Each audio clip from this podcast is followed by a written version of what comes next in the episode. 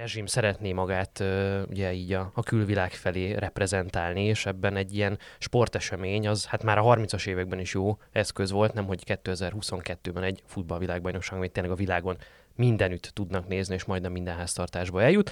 És hát majdnem biztos vagyok abban is, hogy kevés szó fog esni majd ezekről a, legalábbis a világ nagy részén kevés szó fog esni majd azokról a vendégmunkásokról, akik az életüket adták ezért az eseményet, mint ahogy 2018-ban sem esett olyan túl sok szó mondjuk az oroszországi politikai berendezkedésről a világbajnokság kapcsán, amikor az orosz állami tévében José Mourinho a szakértő, akkor ez pontosan arra jó, amire ezek a rendszerek szeretnék, hogy, hogy jó legyen egy világbajnokság. Yeah!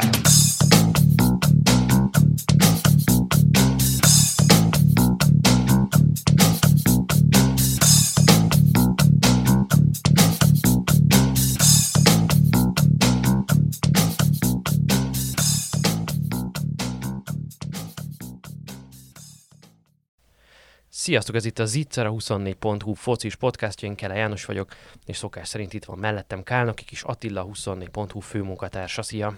Szia Jani, köszöntöm én is a hallgatókat. No, közeledik a 2022-es világbajnokság.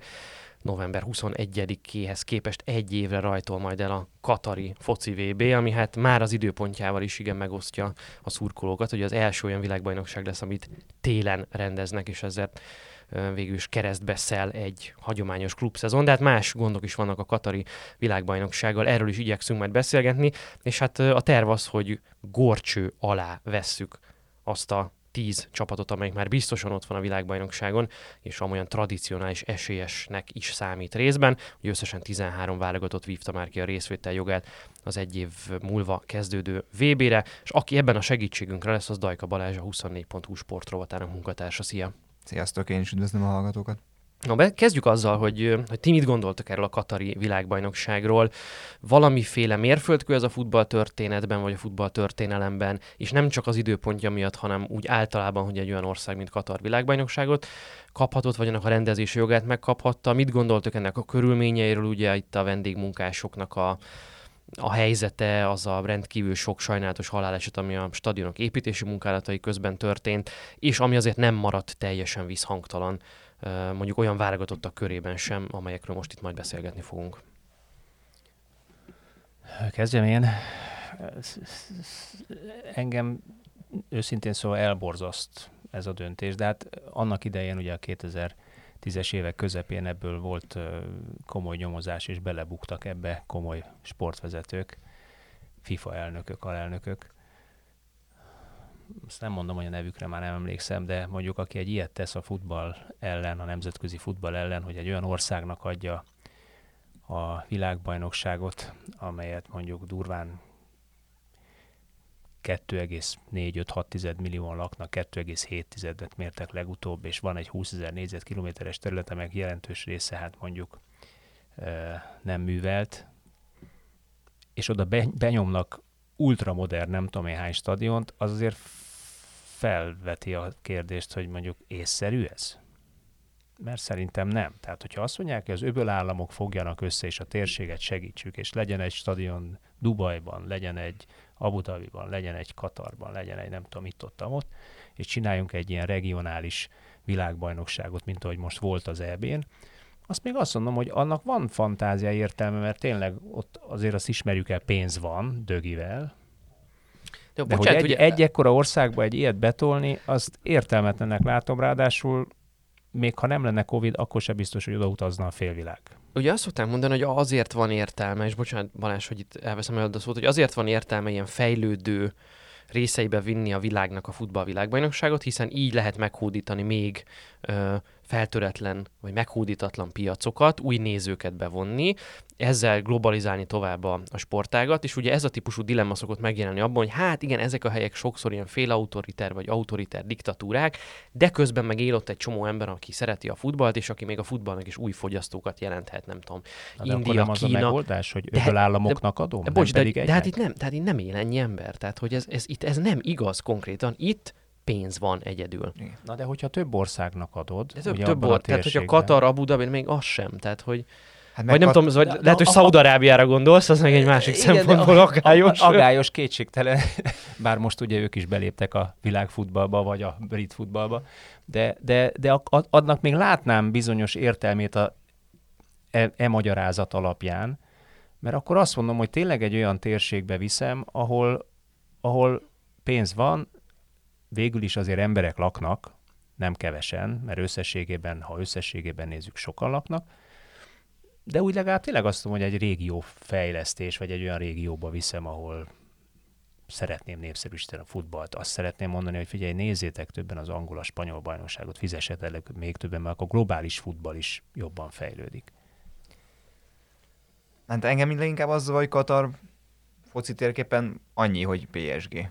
És hogy nagyjából mindenki ennyit tud róla. De ugyanúgy, mint ahogy pár éve emlékszem volt a talán pont a katariak rendezték azt a kézi világbajnokságot, és ugye tele volt honosított külföldiekkel, szóval, hogy ott katari És másodikok lettek. Igen, és hogy nyilván fociban nem tudsz ilyen szempontból eredményt venni, hiszen látjuk a PSG-t is, hogy gyakorlatilag csak a Bödedanit nem vitték oda, és ehhez képest a... Lehet ez volt a baj. Igen, igen, hát pedig mekkora gólt lőtt hétvégén.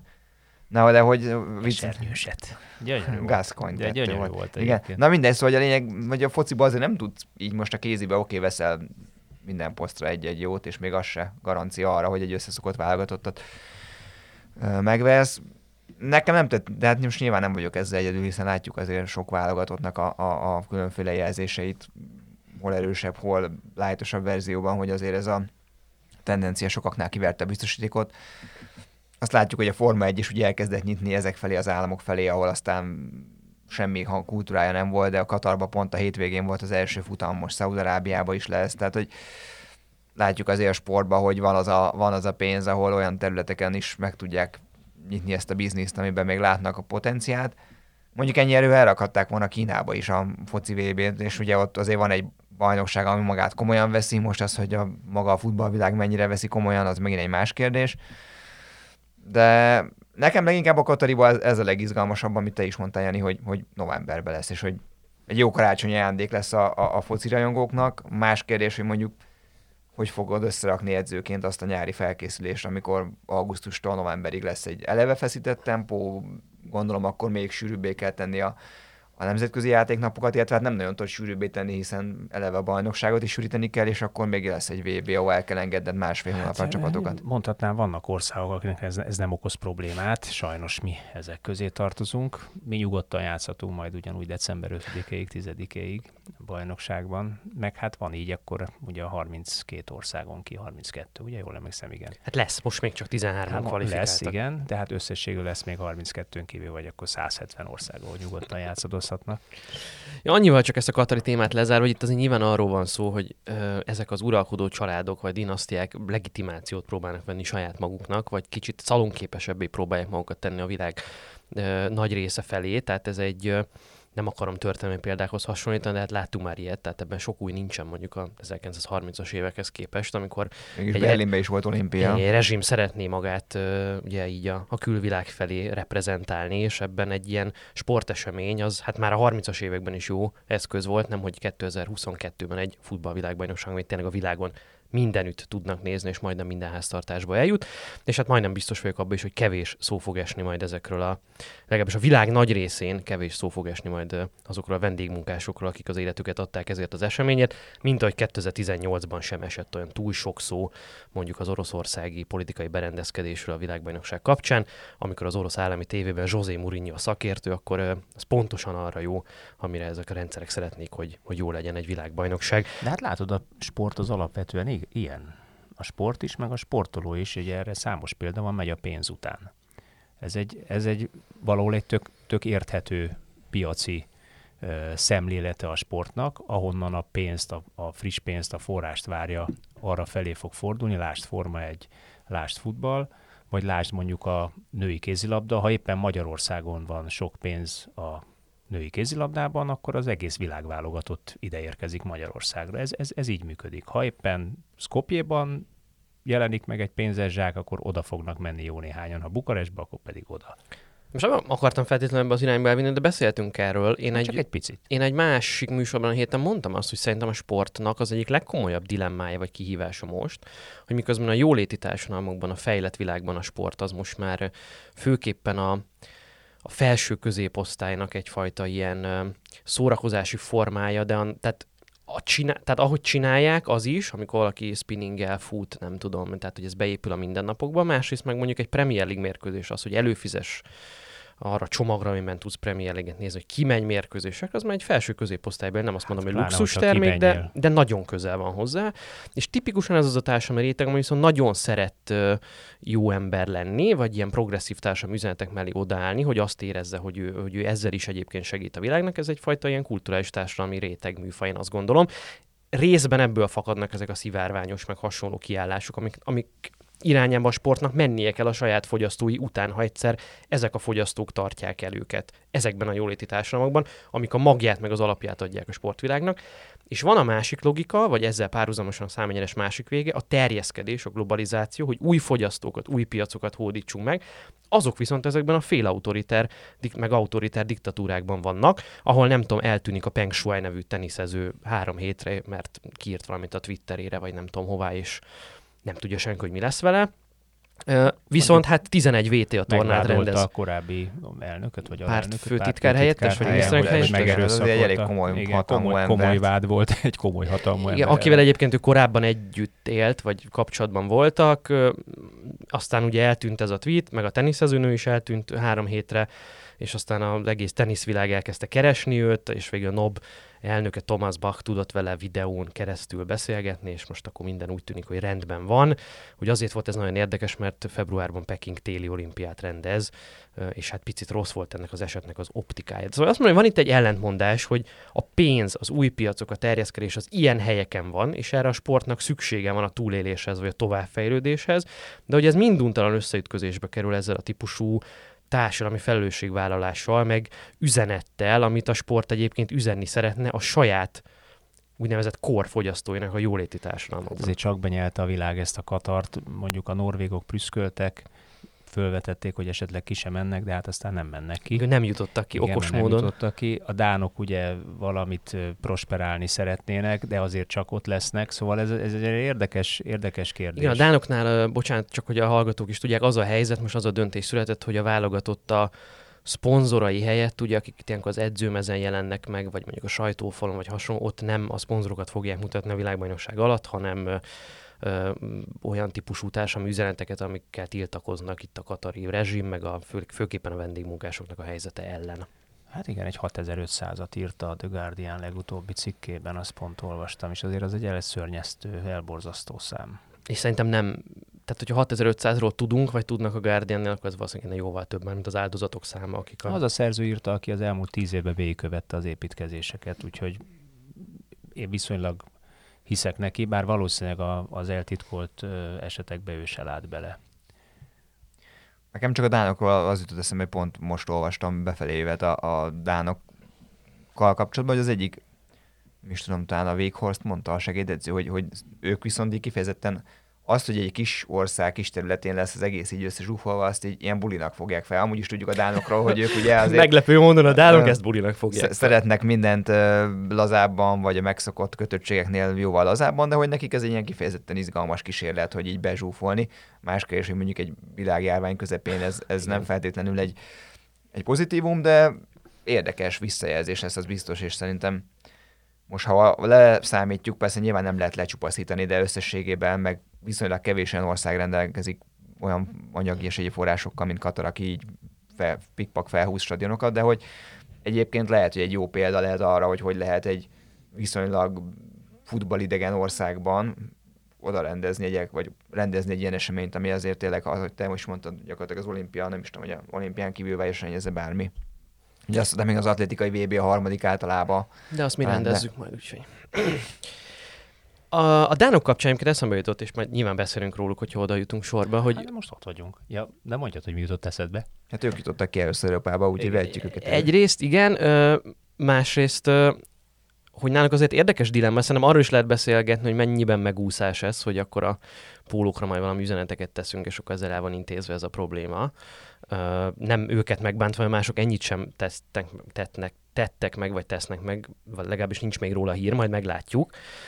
De hogy ők most azért abban a különleges helyzetben vannak, hogy egy nagyon jó csapatuk van, egy nagyon jó generáció, nem akarok ilyennekkel dobálózni, hogy esélyesek, de, de kétségtől nem az van, hogy kimegyünk, és hát maximum tovább jutunk a csoportba, és hazajövünk, hanem itt azért van egy komolyabb várakozás, főképpen az EB szereplés nyomán vagy annak fényében, és hogy ilyen helyzetben ennél keményebben, mondjuk, hogy bolykottálják, vagy nem menjenek el, hogy szerintem ezt nem tudták meghúzni a Dánok, pedig, pedig a Dán társadalom, vagy a Dán válogatott klasszikusan az, az a szereplő lehetne, aki, aki meg tud húzni egy ilyet, mert egyrészt elfogadja a társadalom, másrészt meg olyan sokat nem tudom, nem veszítenek ezzel. Elég szignifikáns üzenet lett volna, az biztos, de de persze ez most megint egy olyan, hogy sportszakpai emberi dolog, hogy kiállsz egy tök jó ügy mellett, és közben elveszed attól a 23-25 játékostól a lehetőséget, akik mondjuk... Megküzdöttek érte, hogy ott Így van, és, és tehát szerintem a Dán, az, ami az, amit a Dán válogatott ebbe az évben művel, tehát ö, nem tudom, hogy lehet-e többet kihozni egy csapatból, lelkileg, fizikailag, eredményben, mint amit ők csináltak. Hát most nyilván nem kell esetelni Eriksennek a, a történetét, és hogy, hogy ezt így leme, lemenedzselni, és az, hogy, hogy 8 fordulón keresztül nem kaptak gól, de még az is egy, egy, egy iszonyat statisztika, de az, hogy ezen a nyolc meccsen négy kapura lövése volt az ellenfeleknek, és ugye azért a Dán válogatottról, főleg az a Dán válogatottról nem az az első gondolata az embernek, hogy ilyen iszonyú defenzíven és szigorúan védekezik. Nyilván van nekik egy nagyon hatékony stílusuk, megvannak hozzá azok a labdaszerző embereik, akikkel már egy elég jó nyomás lehet gyakorolni az ellenfélre, de hogy pont egyébként Human kérdezték, hogy ők most most ők sötét, sötét lovak vagy favoritok, és azt mondta, hogy, hogy ők igazából szeretnének sötét lovak lenni, nem tudnak, nyilván EBL döntősként, de amúgy azt gondolja, hogy elbírják a, a favorit jelzőt, sőt, ők kifejezetten örülnek annak, ha így látják, és hát végül is azzal, hogy nyolc fordulón keresztül kihúzták, és hogy végtelenül magabiztosan meneteltek végig, szerintem, ha nem is vehetjük oda őket a közvetlenbe, de, de szerintem Szerintem egy nagyon jó, jó lesz őket nézni, és annak, ami a legfurcsább nekem, hogy Dániában mindenki most a 80-as évek csapatát emlegeti, ami nem nyert semmit, de ugye gyakorlatilag megnyerte a semleges szurkolók szívét, az a Lerby, Elke Larsen, Möller, Morten Olsen és a többiek. Föltette őket a igen, térképre és azt mondják, igazából. Hogy olyanok, mint a 92-es csapat, aki, ami ugye a legnagyobb a sikert elérte, igen. igen, hanem azt mondják, hogy, azt mondják, hogy fú, ez olyan, mint a 80-as, és hogy így annyira szexi focit játszanak, és annyira jó karakterek vannak benne, hogy az emberek... Tud-e a mai világban egy 340 millió összértékű válogatott végül is nyerni. Bármennyire szimpatikus is, bármennyire ez a Kasper Human egy, egy, egy nagyon jó csapategységet és egy kifejezetten jó játékot hozott össze. Nem tudom, meddig tudják ezt tartani, de egészen parádé, ahogy, ahogy futballoznak. Tényleg élvezett nézni. Szerintem a legérdekesebb kérdés ebben az, hogy van egy nem egészen 6 milliós ország, ugye Lehet Dánia. esélyesként emlegetni uh, Ugye pontosan az előző világbajnokság játszott egy 4 milliós ország döntőt Európából, Igen. tehát nem lehetetlen egyébként odaérni, ez látszik. Majd egyébként a horvátokról is beszélünk a mai adásban. Szerintem azon nagyon érdekes, hogy van egy 6 milliós ország, amelyik elveszíti a legjobb játékosát, vagy a legnagyobb sztárját a csapatból, ez történt az Európa bajnokságon, és ugye Christian Eriksen azóta sem tudott visszatérni, tehát a selejtezőkön sem játszott most a, a VB selejtezőkön, és hogy nem összeroppan ettől, vagy nem leereszt ez a lufi, hanem, hanem ha lehet, akkor talán még jobb ez a csapat. És meg lehet ezt csinálni tényleg. Szerintem ez a nagy kérdés. Persze Eriksen lehet, hogy a világbajnoksága már egyébként játszhat majd. Legyen úgy. Hát fura lenne, mert legyen nagyon bár én két csodálkoznék, igen, hogy szerintem, hogyha ő ott ilyen Dán első osztályból elfocizik, az, az lehet, hogy már ő magának is egy, egy nagy eredmény lesz. Nekem az jön a Dánokból egyébként, ami, amit persze csomó válogatottnál hall az ember, de hogy náluk úgy szinte kézzelfogható, hogy tényleg egy ilyen baráti társaság, tehát az, ahogy már csak az, hogy így összeálltak annál az esetnél, tehát hogy le tudták reagálni azt, ami egy épésszel felfoghatatlan, hogy ott fekszik a társad, és hogy így ütik ki a defibrátora. Össze, összeálltak, és hogy tudom, Kier oda ment, és Eriksen feleségét így, így egyből így elkezdte vigasztalni, és hogy nem tudom, tehát ez a lélek jelenlét, az én azt a fickót nagyon régóta figyelem, és hogy annyira egy alulértékelt, tehát hogy az egész személyiség, ha van, vannak a fociban ilyen nagyon alulértékelt játékosok, és hogy Kier egy annyira nagy vezértípus, tehát hogy a Milánba én ezek után, az esek után, hogy oda mentem volna, és rátettem volna a csapatkapitányi karszagot, hogyha még itt vagy öt évig, akkor legyél mert hogy ennél jobban nem lehet reagálni, és hogy annyira jól jön le, és ugye minden játékos azt mondta, hogy hogy volt az eset, és hogy, és hogy Hugman gyakorlatilag, mint hogyha a barátaival beszélt volna, úgy kezdte ezt feldolgozni, tehát előbb belőle a, a az inner filozófus, és így egyből elkezdte valahogy ezt lereagálni. Nekem a Dán válogatott maga a futballromantika, tehát az, az az igazi csapatjáték, az igazi csapategység, és valahol ezt testesítik meg, egy kicsikét ilyen nosztalgikus érzésem van velük kapcsolatban. És hogy ez nem azt mondom, hogy a régi is, idők hogyha... fociára emlékeztet a játékuk, mert marhára nem. Sőt, sőt nagyon, modern, nagyon, nagyon modern a foci. Csak abban, a, abban a, az öltözői érzetben, abban a, a, az összefogásban, ami, ami a régi idők fociára emlékeztet, na az, az teljesen ilyen. Tehát ez, ez az igazi csapategység, igazi jó hát Nem azt látod, hogy egók, tehát nem az, mint a franciáknál, hogy mindegy, hogy kirúgja a gólt, csak én rúgjam gyakorlatilag, hanem hogy látod, hogy tényleg úgy fontosak egymásnak. Hát nekem az van a dánokkal, sajnos vagy nem sajnos, hogy, hogy minduntalan az jut eszembe, hogy, hogy milyen, miért nem mi rakunk össze egy ilyen csapatot és ez lehet ilyen irítség, vagy nem tudom, de akár ez a típus, ami körüllengi őket, ez a pozitív szemlélet, ez a közösségiség, ez a... Ez, ez társadalmi kérdés, ez társadalmi meg a, minő, meg, meg a minőség kérdés. is ezzel kapcsolatban, tehát mind a kettő. És hát oké, okay, egy gazdagabb ország, de egy kisebb ország, tehát hogy nem lehetetlen. Hát igen, de legalább. más polcról indultak, tehát én, én értem, amit mondasz, és egyet is értek, mert persze, hát ha egy 6 milliós tudja, egy 4 milliós tudja, akkor nekünk is tudnunk kellene ezt csak hát nálunk azért, azért az a fajta morális közeg, ahonnan ez a futball, amelybe belesüllyedt ez a futball a múlt század második felében, azért onnan, onnan nem lehet csak stadionokkal kirángatni. Kétségtelen. De erről sok adásban beszéltünk, mert most talán ne tegyük. Viszont menjünk tovább a horvátokkal, ha már megemlítettük őket. Ugye az előző világbajnokság döntőséről van szó. Azóta túl vannak egy, szerintem, de javítsatok ki nyugodtan, csalódást keltő EB szereplésen. Hát kifejezetten. És ugyanezt a mostani selejtező sorozatot ezt végül nagy nehézségek kárán letudták, hogy az oroszokat egy 81. perces Kudriasov öngollal sikerült legyűrni az utolsó fordulóban, és ezzel harcolták ki az egyenesági kijutást. Végülis egy vereségük volt a legelső fordulom a Szlovéniában, kaptak ki ebben a csoportban, és így ott vannak egyeneságon, de hát kövezetek meg, én nem érzek ebben a csapatban már olyan túl sokat. Én, nekem úgy tűnik, hogy ez a, ez a hattyúdal, főképpen, hogy az EB számomra azt bizonyította be, hogy itt azért még mindig az a Modricsa, az Écesz Géber, aki a világbajnokság idején már 37 éves lesz. Hát meg, meg függ a játék attól a Brozovistól, akit ott a négy védő előtt ott ö, lényegében azon az EB-n egészen magas szinten, vagy azon a VB-n egészen magas szinten ö, minek nevezzük ezt, elősöprögetett vagy forgatott, tehát ütközött is, meg forgatta is a játékot. Ő se lett fiatalabb.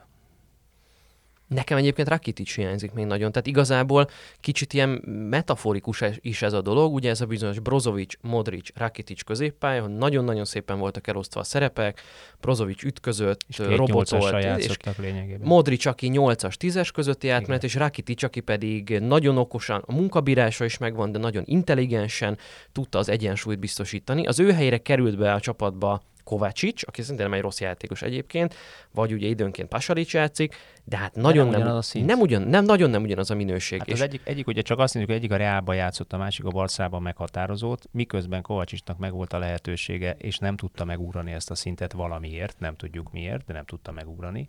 A chelsea volt egyébként egy jó szezonja nagyon, aztán Igen, de, de valahol tévesztett. mindig az van, hogy, hogy perem, peremre kerül, ami azt jelzi, hogy azért mégse az a top szint, ahol ez a másik két játékos folyamatosan játszott. És szerintem ami nagyon jól mutatja ennek a csapatnak a hanyatlását, ha lehet így fogalmazni, ugye a 2018-as VB elődöntőjéből egyetemük voltak a jobb csapat Anglia ellen, tehát hogy úgy jutottak be, hogy ott, ott letolták a pályáról az angolokat a második fél meg a hosszabbításban. Aztán ugye ugyanez a két csapat találkozott most a nyári Európa-bajnokságon, egy csoportmérkőzésen. Hát nyomasztóan egy oldalú volt az a mérkőzés. És szerinted a, a horvát válogatott hattyúdala, vagy a horvát futball hattyúdala, vagy ennek a korosztálynak a hattyúdala, mert azért nem mindegy.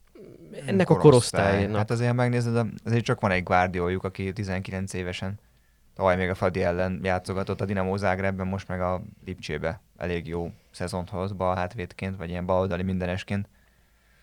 Nekem egyébként még, amit olyan mondott, nekem meg az jutott eszembe, hogy a, hogy a Mánzukics is nagyon hiányzik. Tehát, hogy nincs nekik az a, az a klasszik center, aki ütvág, de közben a védekezésbe is nagyon használható, ugye a letámadásba, meg, meg gyakorlatilag tényleg első védőként megy mindenre és, de ez, nem tudom, nekem valami az, az az érzésem egyébként, hogy, hogy pont ez a, ez a Modric féle brigádnak ez, ez egy jó VB lesz, pont azért, mert hogy tudják, hogy most fognak elbúcsúzni, és hogy tudom, most már hetek óta nézem és a, az Inter meccseit, és hogy azt tűnt fel, hogy, hogy a Perisic annyira jó játékos, és például ő is az a típus, hogy így hogy nem tudnád megmondani, hogy jobb vagy bal lábas, tehát hogy rá kellett keresni, hogy milyen lábas, mert hogy Kottára ugyanúgy ad be jobbal ballal, ő itt a 30 fölött van bőven, de simán veri az egy, egy hát most a Shakhtar ellen két gólpassz, tehát hogy annyira jó megvan bennük a potenciál, és hogy, hogy, hogy most ezek azok az arcok, akiket tíz éve nézel, most oké, okay, volt egy gyengi belbéjük, nekem igazából az volt a fura, nem is az angol meccs, mert azt nagyjából láttam, hogy Szerintem ott öt perc alatt eldőlt, hogy ott nincs keresni velük, de a másik két ellenfél ellen, tehát a skótok és a csek ellen is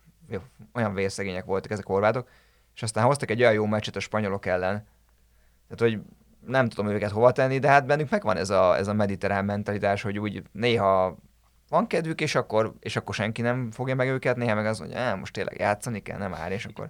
De szerintem nem tudom, valamiért az az, az érzésem, hogy nem várom őket döntőbe, de szerintem nagyon simán, jó, hát most nem tudjuk milyen csoportok lesznek, de hogy mindegy. Szóval én azt, azt gondolom, hogy ez egy emlékezetes véve lesz a horvátoknak, és pozitív szempontból. Igen, picit én is azt érzem, hogy annak a más feledik vonalnak kellene előrelépnie, amelyik már ott volt ebben a 2018-as csapatban is részben, de akkor még csak epizód szerepeket kapott, mint Vlasic vagy Kramaric például, vagy azóta, akik föltűntek, ugye az Orsic, a Petkovic, ugye az a center, akivel ugye megpróbálták Mandzsukicot pótolni viszonylag kevés sikerrel, de hogyha ők kicsit tudnak épülni még, és ők, ők olyan formában érkeznek a VB-re, hogy, hogy ők hozzá tudnak segíteni, akkor ez akár lehet egy, egy, egy olyan típusú hattyúdal is, ami happy end ér, ér véget, de hogy ebben azért benne van a, a az, földbeállás. Igen. Ez kicsit, az, mint a szerb csapat, és akkor ezzel lehet, hogy mondjuk a szerbekről sem akarunk hosszasabban beszélni, de, de csak ilyen említés szerint, hogy, a, hogy a, mint a szerbek, akikről, hogy hát igen, akár egyébként ők nagyon jók is lehetnek, és így vagy az van, hogy tényleg ö, meglepetésszerűen kimasíroznak mondjuk a portugálokat kiütve a világbajnokságra, vagy az van, hogy mindenki összeveszett mindenkivel az öltözőbe, és nulla pont csókolom viszlát. És a Nemzetek Ligában még vertük őket. Ez egy furcsa dolog, nem? Hát furcsa dolog, vagy hogy tetszik a szerbeknél ez a normál ügymenet, mert ők ugye általában az Európa-bajnokságokat elegánsan ki szokták hagyni, amikor mondjuk 24-es mezőnybe kellene bekerülni, az sem szokott sikerülni, és amikor 13 európai résztvevőt keresünk a világbajnokságra, ott meg az első körben integetnek, hogy mi hát, megyünk. Pont nekem pont ezért meglepő, hogy, hogy viszonylag simán jutottak be egy olyan portugál válogatott előtt, amelyik azért, hogyha egymás mellé tesszük a kettőt, akkor biztos, hogy azt mondanád 10-ből 9 a portugáloknak kéne. Hát és a kezükbe is volt. Tud valamit a új jegyző? Hát ezt én most így nem mondanám meg, annyit nem láttam a szerbeket, hogy mit tud a Pixi Stojkovic. Sok mindent tud egyébként, azt láttuk játékosként. Elég jó szabadrugásokat lőtt. Uh, igen, meg igen, ő nem, nem azt a típusú edzői karriert futja be, mint Détári nálunk, úgy tűnik. Tehát nem ő lesz a szerb Détári Lajos. Hát minden esetben én szurkolok nekik, közel vannak, és ők is egy olyan példa, hogy hát valahol megvalósítható ez, bár nyilván, ugye, hogyha párhuzamot húzunk a, a horvát és a, a szerb válogatott között valamilyen párhuzamot kell húzzunk, akkor az a régi jugoszláv testnevelési főiskola terméke, vagy testnevelés kultúrának a terméke mind a két válogatott. És hogy mennyire őrzik ezt, és mennyire tudják továbbvinni, ezt mutatja a jelen, hogy háború tépászt őket, meg minden, de mégis képesek ezt a szintet hozni. Átmenjünk Dél-Amerikába egy picit? Nézzük Onnan is van két igen. tradicionális esélyes csapat, amelyik már ugye biztos résztvevője a VB-nek. Engem az lett meg most milyen simán ott vannak. Mert, igen, mert az igen. Utóbbi, utóbbi években mindig volt, hogy valamelyik mindig nagyon-nagyon szenvedett. Valamelyik nagyon kapart. Most mind a kettő viszonylag simán. Ugye nem régiben játszottak egymással egy jófajta 0-0-át a selejtezőkön, hogy a Copa Amerika döntőjében is találkoztak egymással idén nyáron, azt az argentinok nyerték egy nullára.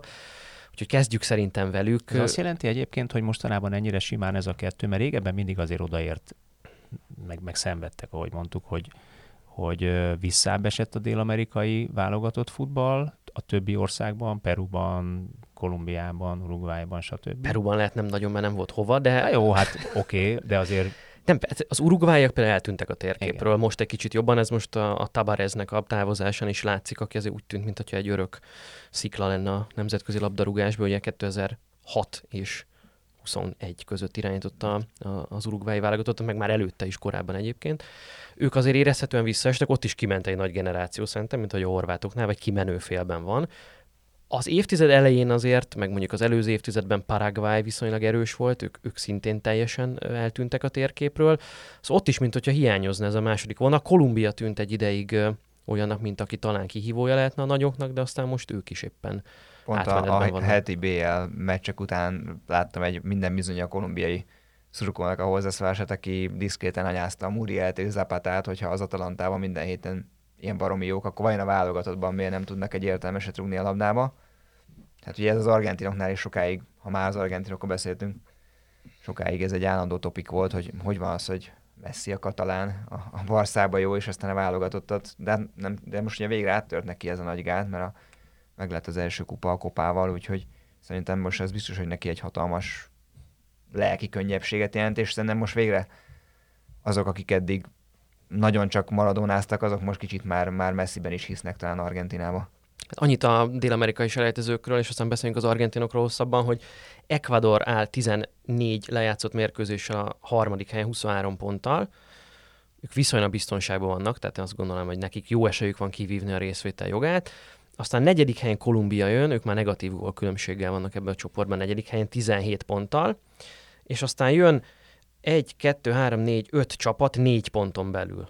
Tehát ugye a kilencedik Paraguaynak is 13 pontja van, és ugye Venezuela az, aki jó szokásához híven a távolból követi a mezőnyt. Szóval elképesztően szoros, és, és valójában nincs olyan, aki a két nagyot most picit tudná szorongatni Dél-Amerikában.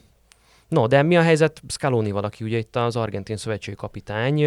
Ugye Argentinában mindig úgy egy nagyon szélsőségesen polarizált futball közbeszéd van ugye Argentinában, tehát ez az igazi kétarcúság, vagy van ez a Menotti féle gyönyörű futball az olyan tehetségekkel, mint Maradona, meg Messi, meg Ortega, meg és akkor sorolhatnánk a neveket, ez a fantasztikus támadó futball, és közben ez a hentes mészáros kultúra, ami ugye az ellenfélnek a mindenféle válogatott módokon való meggyilkolását helyezi előtérbe, az a 60-as évek estudiantes meg a Bilardo féle világbajnok csapat 86-ba, ugye ez a két világbajnok csapatuk van, a Menotti féle, meg a Bilardo féle, és minden argentin válogatott vagy ennek a kettőnek a az elegyét szokta alkotni, olykor nagy sikerrel, olykor meg kevés sikerrel. Ez a mostani, ez most így Iszkálónival szerintetek melyik? Szerintem ilyen nagyon középutas, kicsit ilyen, kicsit olyan, miközben a játékos keret azért, hogy mondjam, orr nehéz. Tehát megint, mint, mint sokszor korábban már. És hát ugye megközben meg Scaloni egyébként köthető ez a Bielsa féle filozófiához is, amely mezge a nagyon innovatív, letámadás fókuszú, kevésbé pragmatikus, mint inkább elvi alapú foci, és Scaloni valahogy ebben a, a mixben helyezkedik el, nem tudom, hogy hol. És ez látszik kicsit a csapaton is. Igen, az biztos, hogy a, szerintem hát gól, gólokkal nem lesz bajuk. De az, hogy hát én, Argentina szerintem csak azon múlik, hogy hát nem csak nyilván, de hogy, hogy a, véd, a védelemnek nálam a gyenge pontjuk, és hogy, hogy ebből mit tudnak kihozni, mert hát meg nekem nagyon izgalmas kérdés, hogy mi lesz Aguero-val egyébként nyilván az ő pályafutásával szempontjából is, de hogy még az argentin válogatottnak is azért, tudva, hogy milyen lelki és mindenféle kapocs van közte és messzi között. Fura, mert, mert mindig, tehát az argentin válogatott is... Nyertek. Tehát én, én ugye nézd fel az eredményjelzőre, szokták mondani. Igen, megnyerték. Azért persze, mikor de... nyertek ő? Nem is, én nem tudom fejből ezeket. 93, 93-ban nyertek kopát. Rohat, rohat, rohat régóta nyert bármit is Argentina. De pont ez éget rájuk, Ez, ez a csapat most megnyert? Görcsösen akartak eddig, és annyira minden... De ez nem szabadíthat föl? Hát de abszolút, pont én is Mert ez nekem pont azt hogy... mutatja, hogy ez a fajta egyveleg, amit a Jani mondott, ez a Scaloninak az egyvelege, amit Bielszától, meg a régi hagyományos, tehát a Bielsa modernségéből és a régi hagyományos argentin gyökerekből próbál összerakni, ez, ez minthogyha működne. Igen, egyébként viszonylag egyszer 4-4-2-t játszanak, tehát nincs ez túl variálva. Ö, nagyon jól választják meg szerintem, mikor támadnak le, vagy mikor helyzik nyomással az ellenfelt. Egyébként tudnak bekkelni is. Ö, ha már egyébként itt a nagy kérdések, akkor inkább az, hogy Messi most ö, vakációját tölti Párizsban, valamikor belemelegszik, ugye azért van még egy éve, de hát azért ez a kaland egyenlőre nagyon nem úgy látszik elsülni, mint ahogy azt sokan gondolták. Hát lehet, hogy épp ezért lesz jobb a válogatottban. Hát ezen sok múlik. Azért, azért azt, figyelj, hogy megnézzük, megnézitek emberileg, ha valaki fölnő valahol tizenéves korától 30 valány éves koráig egy játékkultúrába, egy futballkultúrába, egy futballklubba, na onnan áttenni a székhelyedet máshova, egy teljesen más ideológiai ugye erről beszéltünk, kirakatba, futball kirakatba, nevezük annak a, a PSG-t, hát ott, ott nem egyszerű szerintem alkalmazkodni az új közeghez. Nagyon-nagyon-nagyon nem egyszerű alkalmazkodni. Még egy olyan világszárnak se, aki korábban tíz éven keresztül 40 fölött rúgótosított gólokat. Ő is ember, úgy néz hát ki. abszolút, hogy... persze. Eddig ezt csak az argentin válogatottban vettük észre, most lehet, hogy éppen Igen. ott nem de, fogjuk. De ott, ott szerintem pontosan ugyanez volt a gond, és most minthogyha az lenne, vagy lehetne neki a hazai közeg. Mert eddig nyilvánvalóan Barcelona volt a hazai közeg, de most így Párizsból talán több a kapocs az argentin válogatotthoz, és talán egy kicsit én azt gondolom, hogy ott, ott ő, ő virágozni fog, vagy, vagy én úgy érzem, hogy, hogy lesz benne egy ilyen, ráadásul koránál fogva is egy ilyen utolsó nagy ugrási kísérlet.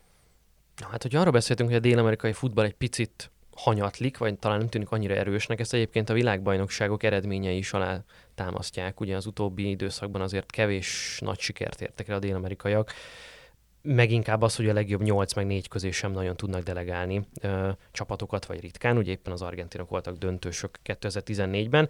Tehát a brazilokra ez hatványozottan igaz.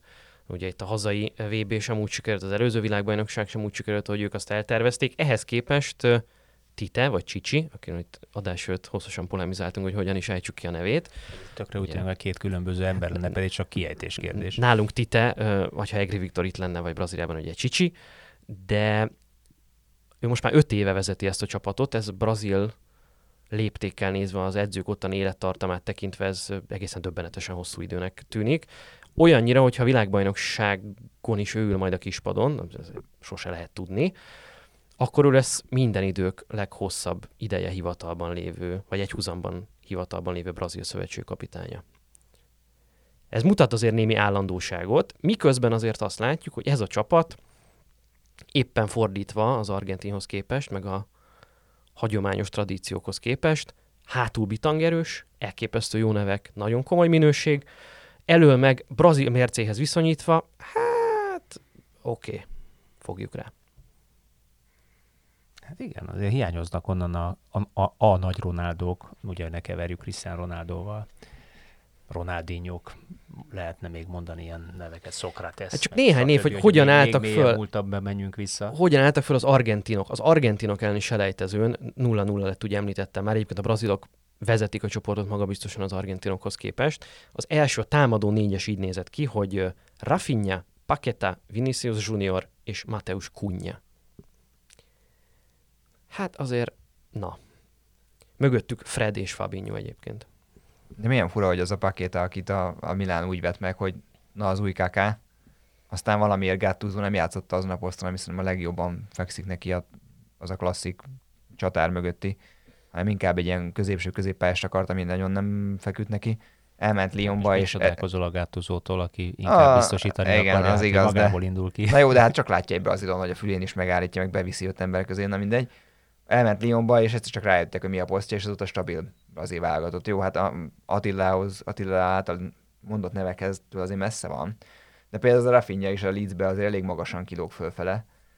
Hát meg jó játékos, ezt láttuk itt más európai De csapatokban is jó játszani, szerintem tehát jól futballozott. Csicsinek ez most arról szól, hogy azért van neki egy Gabriel Jesus, meg, meg azért elég komoly tűzerő van, hogy csak szerintem most rá tudta, hogy most igazából, ha BC csapat talál fel, akkor is tovább, tovább jutnak kis túlzással a vb ezekről. Inkább ez már arról szól szerintem, hogy van neki 13-14 neve, és nézegeti, hogy kiket lehet így a VB-re elvinni.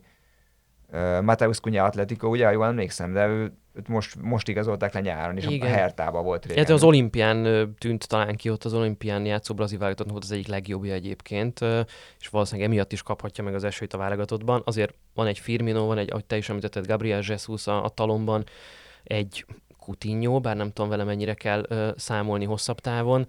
És ezt említsük meg, ezért mondtad, ha már Messinek Párizsban, azért Neymarnak sincs valami veretes szezonja. Ugye, hát, most néztem, hogy... említsük már meg Neymart is. Mert... 7, 7 BL meccs mi, óta 0 gól, 0 gól passz. De azért... oké, legutóbb így álltak föl, de, de képes, képes-e Neymar vállára venni egy ilyen csapatot elől. Az a kérdés, hogy rúgni. kell neki, mert ugye eközben 13 meccsen 4 kapott gól a selejtezőkön a brazilok, ez a, ez a nevetségesen jó, vagy nem tudom, hogy hogy fejezzem ki magam, és hát Danilo, Thiago Silva, Marquinhos, Alexandro, ezek a nevek, előttük takaríthat mondjuk Casemiro, ha éppen olyanja van, És uh, akkor meg Ederson vagy Alisson a kapuban. Ederson, Alisson a kapuban, uh, Éder Militao bejöhet uh, itt a cserepadról, vagy hogyha bárki kiesik. Uh, odaérni.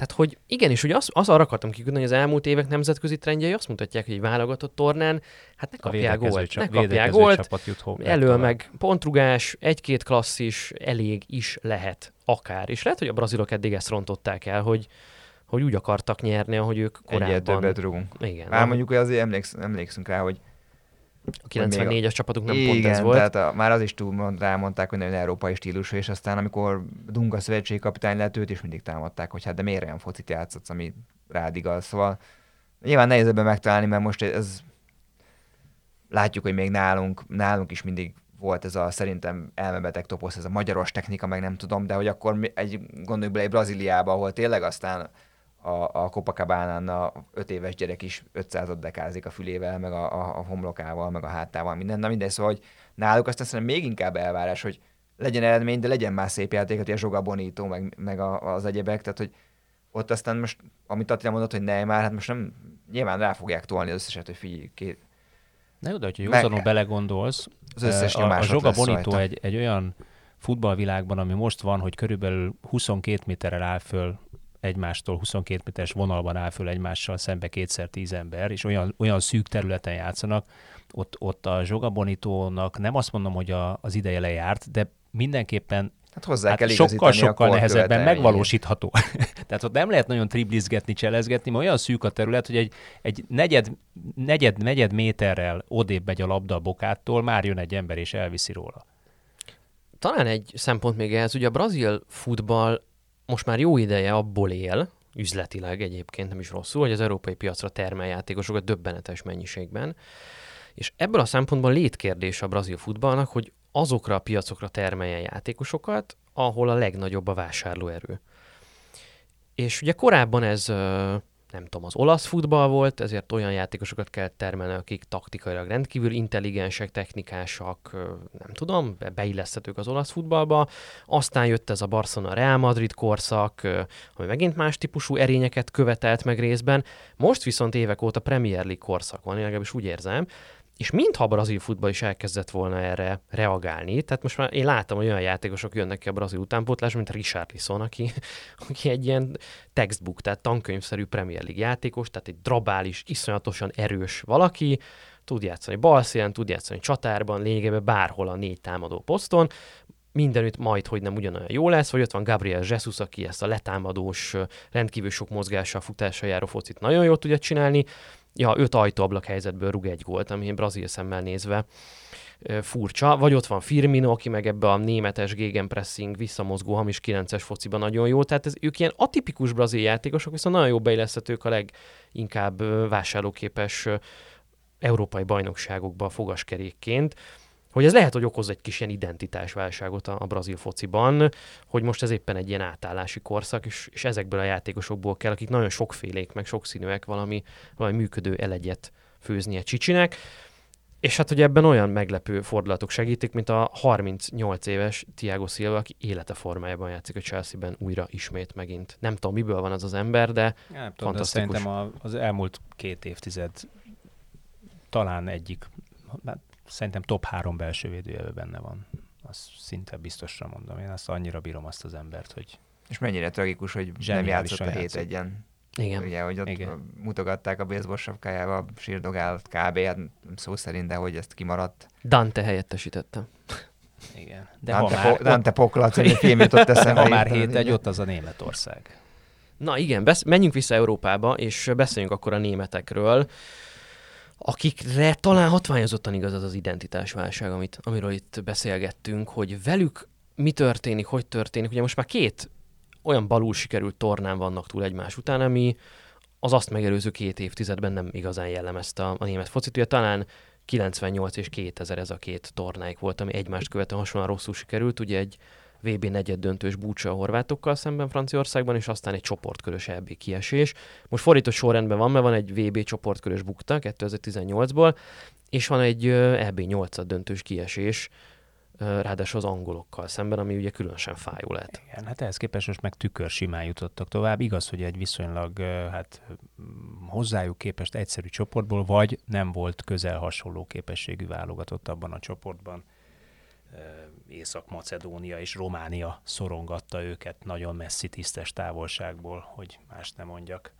De azért ez a, ez a váltás, hogy Hansi Flick lett a, Na bizony. a szövetségi kapitány, mint hogyha stabilitást hozott volna a játékukban. Ami azért eléggé rájuk fért.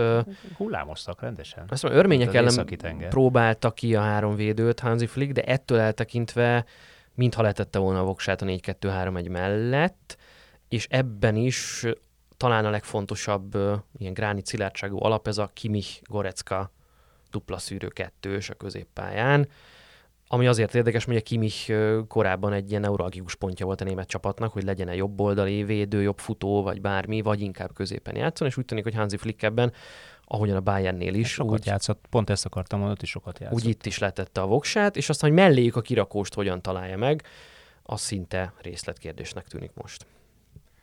Igen, amikor mondtad, hogy identitásválság, akkor pont az jutott eszembe, hogy, hogy Flick most nagyon próbálja azt a bayern arculatot nyilván érthető módon, hiszen megnyertek mindent, amit lehetett szinte átültetni a válogatotta, és ez jól is működik ezen a hét meccsen, amit tőle láttunk. Hát ahogy Attila is mondta, azért túl komoly ellenfelük, tudom, Izland, Észak-Macedónia és azért Románia sincs most azért ott a legfelső polcon, de még lehet, hogy a másodikon se, vagy nagyon az alján. Hát ez egy nagyon könnyű csoport volt azért, ezt tegyük hozzá.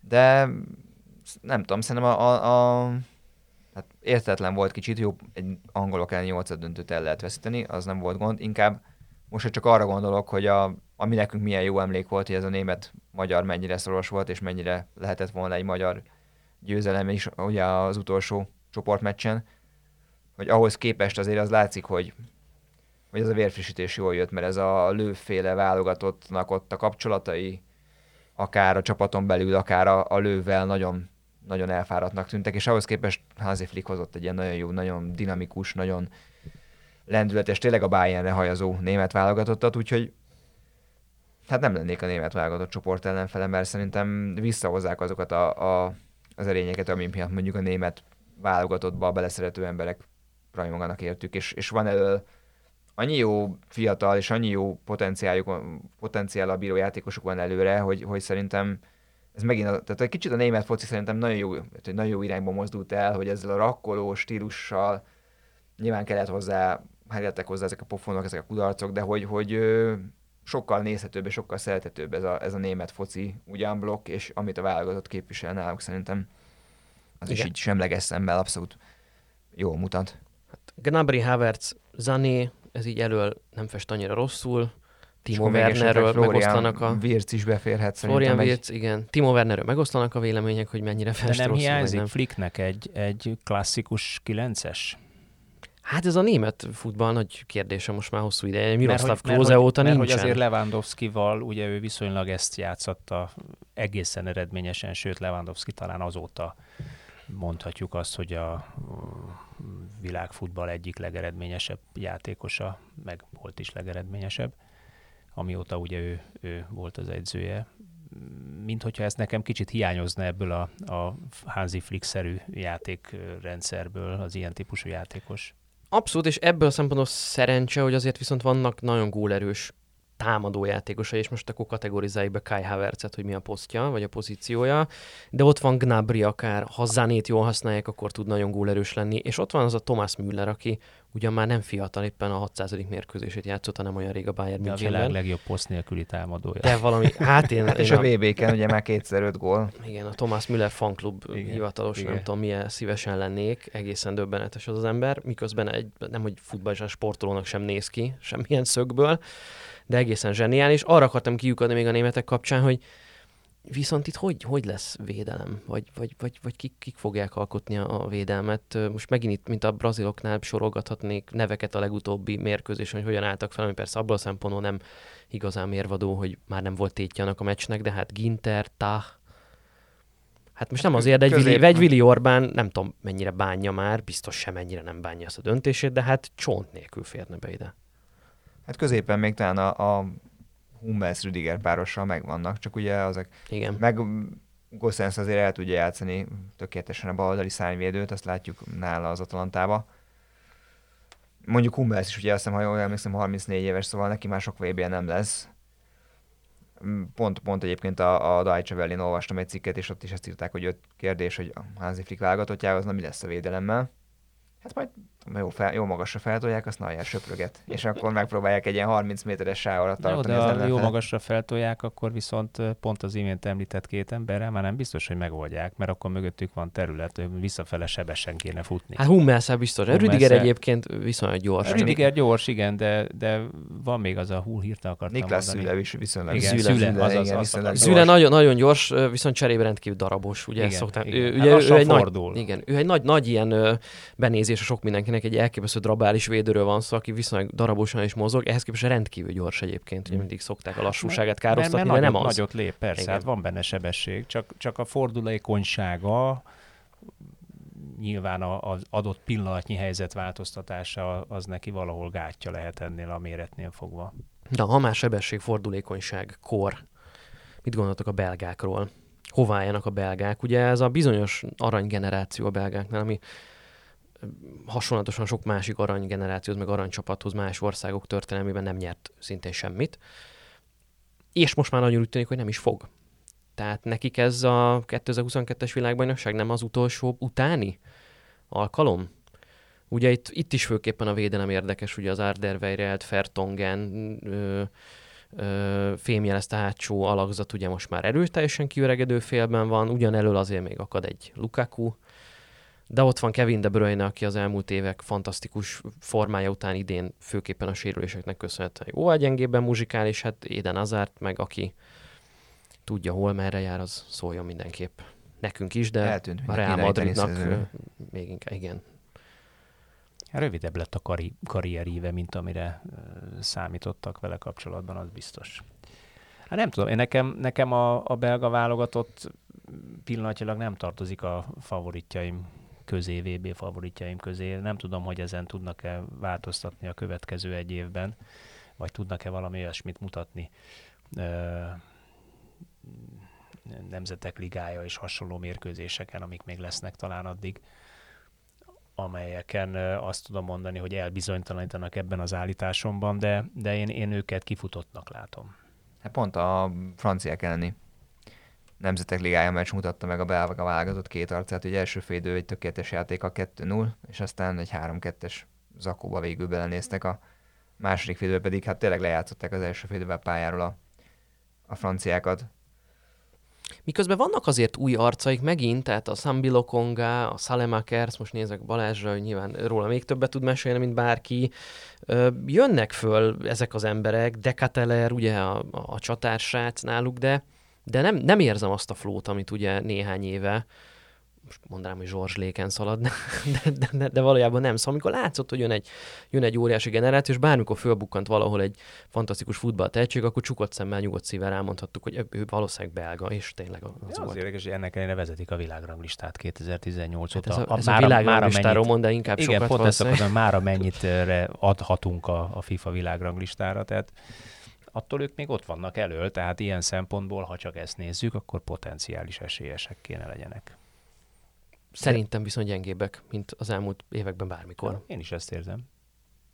De egyébként a házár, házár dologra visszautalva, hogy mindig odaadják. Tehát hogy azt érzem, hogy ő ilyen nem tud olyat tenni, hogy nem maradjon ki. Persze nyilván miért hagynád ki, hiszen egyik legjobb játékos a, a, a, az országnak, de hogy de hogy valahogy az, ha azt meg tudja csinálni Martinez, nyilván most nagyon sokat számít azt, hogy mondjuk télen eligazol le, és ha igaz, igen, akkor hova Azár, de hogy, hogy szerintem ő neki van egy ilyen messzi faktor, hogy a, a válogatottba egyrészt nagyon sokat várnak tőle, viszont pont ettől mondjuk a 2018-as VB-n azért elég húzó, elég komolyan húzó ember volt, és hogy hogy én, minden, én azt érzem benne azt a potenciált, hogy még pont ezért rántja össze ezt a brigádot egy ilyen utolsó nagy, nagy bulira, mert hogy amúgy mikor nyernének, hanem most, és ugye velük kapcsolatban is mindig ez, a, ez az egyetlen címke, amit felhisz, hogy na a belga aranygeneráció, ami hát ugye vicces, mert emlékszem, hogy volt a portugáloknak is az aranygeneráció, ami szintén nem nyert semmit. Angol aranygenerációs, igen. Igen, de hogy mondjuk ez kicsit igen komolyabb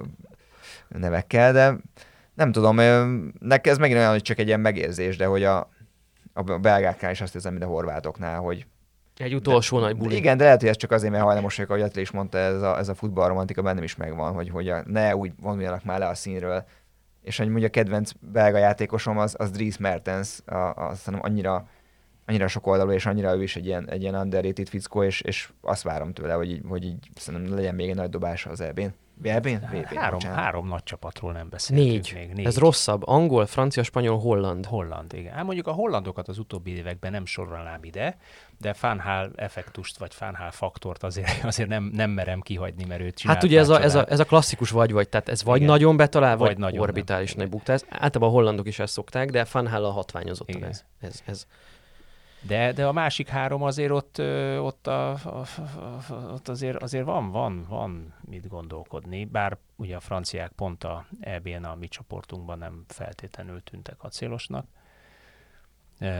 és utána sem, de Anglia az szerintem hát minden idők egyik legjobb, vagy a modern idők egyik legjobb angol válogatottja, vagy mindenképpen legeredményesebb angol válogatottja, legtudatosabban futballozó angol válogatottja még akkor is, hogyha számos kritikus azt mondja, hogy abban a játékerő potenciál, ami benne van ebben a keretben, az sosem látszik. Hát erről sokat beszéltünk az EB Igen. alatt, egyébként most annyira akarom ismételni magunkat, vagy magamat. Ugye ugyanazt a hibát követte az EB döntőben Southgate, amit a horvátok elni VB elődöntőben, ez egyszerűen túl kockázatkerülő volt, túl korán, túlságosan visszaállt, és engedett dominálni az ellenfélnek, és ezzel a nyomásra helyezett a saját csapatára, amit aztán az végül nem bírt ki. Ebből a szempontból nekem vannak kétségeim az ő plafonját, illetően, amit, hogy nincsenek kétségeim valójában, tehát elég jól látszik, hogy ő mire alkalmas, egy nagyon stabil, jó alapjáték, kiváló öltözői atmoszféra, jó személyi döntések, egyensúly megtalálása keretben, a játékban, rendkívül jó meccstervei vannak, amire nem alkalmas. Aztán a meccselés. Meccselés, meccs közben váltani, és hát nyilván van, vannak ezek a, amikor döntenie kell, akkor általában jóval kockázat kerül megoldás mellett dönt, ami, ami ennek, a, ennek a csapatnak eddig annyira nem állt jól.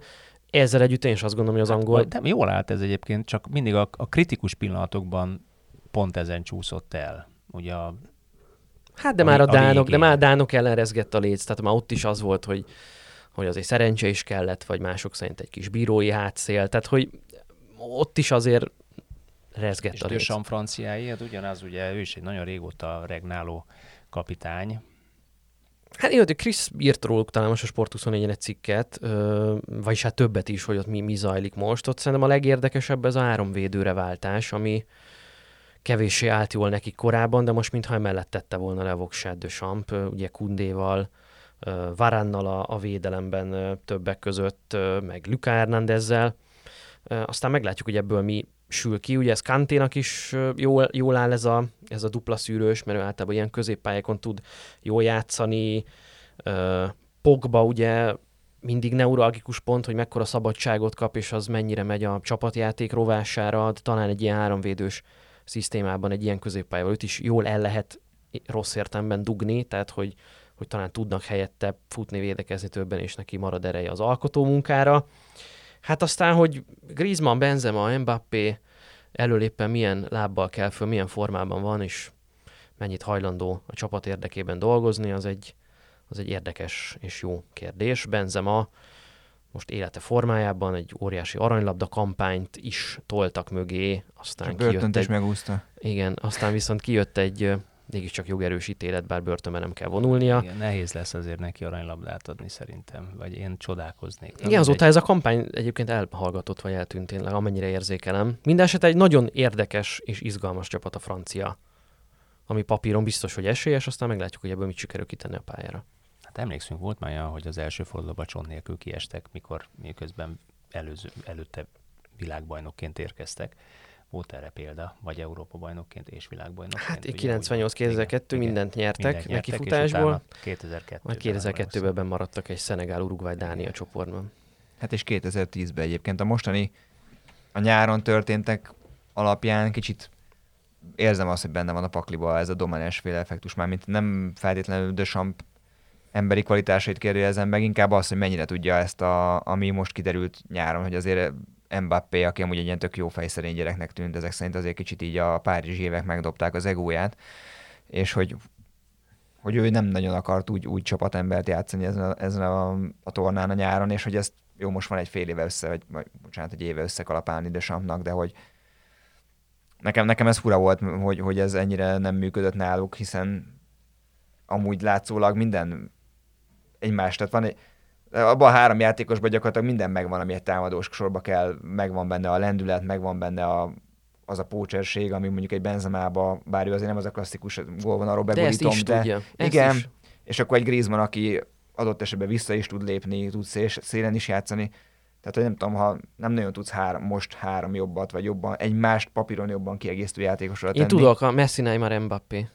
Az is nagyon jól néz ki. Gyakorlat papíron rendkívül jól néz ki. Az a baj, hogy le kell játszani a meccseket is. Ez, ez vele az Na egy, igen, egy, hát egy szóval gond. nyilván Dösampnak azért bele kell majd harapni az ujjába egy párszor, hogy amikor azt a keretet összerakja, kiket hagy ki. Az látszik, hogy amit te is mondtál, jól bejött ez az újítás, és ez a, a szányvédős rendszer, a, én csak azt a két nemzetek ligája meccset láttam így hosszabban, de ott nagyon jól működött ugye az, hogy Teo Hernández, aki, aki egyébként az olasz bajnokságban egy ilyen kicsit ilyen nehezen használható játékosan védekezni, szerintem egyáltalán nem tud, viszont az ő lendülete nagyon sok plusz, adni egy támadásba. Ami persze más kérdés, hogy mondjuk egy francia válogatott ellen hány csapat fogja felvállalni azt, hogy ad annyi területet, hogy mondjuk egy Teo Hernández, akinek az a fő erénye, hogy 40 méteren felgyorsul, és aztán nem nagyon tud elvenni a labdát, lesz egyáltalán helye felgyorsulni. Mert azért úgy tűnt, lásd a magyar meccset, hogy ez a pozíciós játék azért annyira nem fekszik ennek a francia csapatnak. Úgyhogy hát van egy évük, de az tény, hogy jól reagált Deschamps az EB-re, és mondjuk ez az ősz azért jobban nézett ki sokkal. Ja, azon gondolkodtam, hogy a töltött káposztán kívül mi jó felmelegítve, és hogy Dechampra nézve ez mit mond el, aztán eszembe jutott Luis Enrique és a spanyolok, hogy ott ez úgy tűnik, mintha megint működne. Az EB-n is számomra az egyik legkellemesebb meglepetés a spanyol válogatott volt. Az eredményt tekintve is, a mutatott játékot tekintve is, pedig nagyon-nagyon rosszul indult nekik az a torna. Ehhez képest, ha azt nézem, hogy az elődöntőben ők azért lefocizták a későbbi győztes olaszokat, tehát ott minden józan számítás szerint ott azért a spanyoloknak kellett volna bemenniük a, a, a döntőbe. Ö, egy fiatal, kicsit szedett-vedett ilyen-olyan csapattal egy nagy VB csalódás után, ez szerintem egy nagyon komoly eredmény, és az látszik, hogy Luis Enrique ezt a munkát folytatja, építi be a fiatalokat a csapatba, van egy nagyon komoly ilyen labdabirtokláson alapuló fociuk, pozíciós játék, nagyon erősek benne, és akkor viszont időről időre tudnak direktebbek is lenni, akár kontrázni is tudnak, és hát ott van Álvaro Morata, aki vagy nagyon, vagy nagyon Vagy nem. berúgja, vagy nem. Mondanám, hogy inkább nem, de közben meg, Közben meg igen, közben sokszor, de igen. sokszor meg igen. Hát talán az egyik legellentmondásosabban megítélt támadó az európai futballban. És akkor jön fel, bocsánat, Pedri, Nico, Gavi, jönnek a, a, Barca tehetségei. És mennyire lesznek 19 csapágyasra évesek. hajtva, ugye látva a Pedri tavalyi évét, tavalyi szezonját pontosabban, hogy, hogy azért ezeket a fiatalokat Pont, pont erre jó a novemberi VB, nem? Hát nyáron pihenő van, pont csúcsformában lendül novemberre. Igen, de ha már mondtad ezt a... Jó, nyilván nem lehet összehasonlítani a két futballkultúrát, de már mondtad a dánoknál, hogy miért nem tudjuk ezt.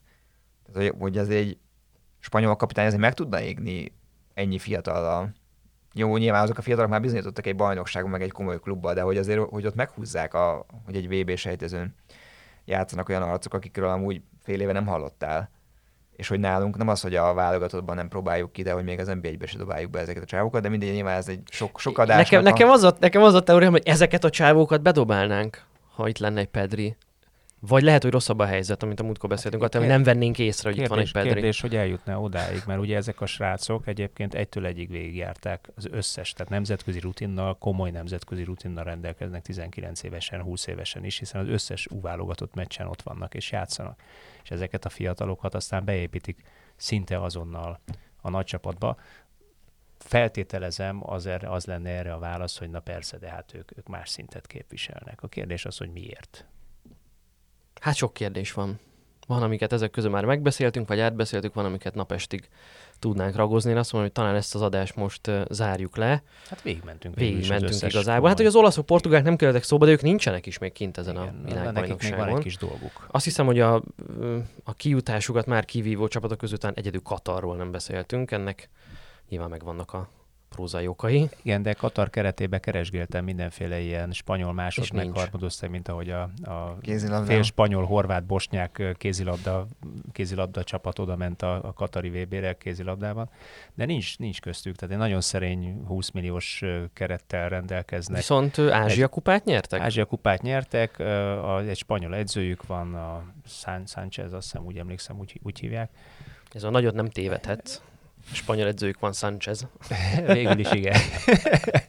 és, és hát klasszikusan ugye kis csapatos ö, 3-5-2-5 5-3-2-es felállásban, a VB-ben valószínűleg inkább az utóbbi lesz. No, meglátjuk, figyelni fogjuk. Majd egy dolog maradt hátra ebbe az adásból, ez egy szolgálati közlemény, és azt hiszem, hogy ezzel én tartozom mindenkinek. Nekem most húzamosabb ideig ez volt az utolsó Zitzer podcast, amiben részt vettem. Nincsenek igazából különösebb okai, én kértem egy kis szünetet itt a 24.hu-nál, uh, kicsit mással foglalkozhassak, feltöltődhessek, és aztán eldönthessem, hogy újult erővel belevágok-e majd ebbe. Nyilván lehetne ezt hosszan ragozni, most nem szeretném. Csak annyit azért mindenképp hozzátéve, hogy egyrészt továbbra is hallgassátok az Zitzert, mert szerintem egy unikális dolog a magyar podcast piacon, meg a focis podcast piacon is olyan témákkal, felvetésekkel, amik máshol nem, vagy talán nem ilyen mennyiségben kerülnek elő. Nyilván Attila marad és csinálja tovább, aztán, hogy helyettem ki lesz, azt nyilván majd még kitalálják. Biztos, hogy valaki nagyon jó fog érkezni, és nem fogtok benne csalódni. Aztán meg az sem kizárt, hogy én majd visszatérek vendégként esetleg csak kicsit kisebb dózisban. Én a magam részről szeretném megköszönni itt is az együtt töltött éveket, meg a közös munkát. Én rendkívül élveztem, és szerettem csinálni, nagyon sokat tanultam, nagyon sok mindent elrontottam, nagyon sok mindenben talán tudtam segíteni. Az biztos, hogy olyan mozgásteret kaptam ebben a podcastban, amit, amit nagyon sokan nem kapnak meg másút, meg, meg, meg én is kevés helyen kaptam, meg lényegében bármiről szabadon beszélhettem, beszélgethettem, bárkit meghívhattunk, bármilyen témával foglalkozhattunk nagyon szabadon. Ez azt hiszem, hogy a mai magyar nyilvánosságban Legfeljebb dolog, nem amit- értettünk mindenben egyet. legfeljebb nem értettünk mindenben egyet, de nekem az a meggyőződésem egyébként, hogy, hogy ez a típusú kicsit generációs különbség közöttünk, meg egyébként habitusbeli különbség, ezt szerintem tök jól kiegészítette egymást. Én legalábbis nagy ettől is a élveztem. hallgatókra. Reméljük, hogy igen. De én, én nagyon élveztem ezt csinálni. Aztán lehet, hogy a hallgatók nagyon között is volt, élveztem, aki szerette, szomorú is vagyok. volt, aki kevésbé, de aki esetleg kevésbé, az ezután becsatlakozhat. Úgyhogy köszönök szépen mindent, a hallgatóknak elsősorban a figyelmet, azért száznál jóval több adást megcsináltunk együtt. Ez biztos, hogy egy olyan dolog, amire szívesen fogok majd visszaemlékezni. No és akkor, hogy az árszó most már az enyém legyen, és Jani, tényleg a könycsepet kitörlöm a szememből, mert, mert szomorú vagyok. Remélem csak ideiglenesen. Következő héten új témával, új vendégekkel várunk titeket. Sziasztok! Sziasztok! Sziasztok.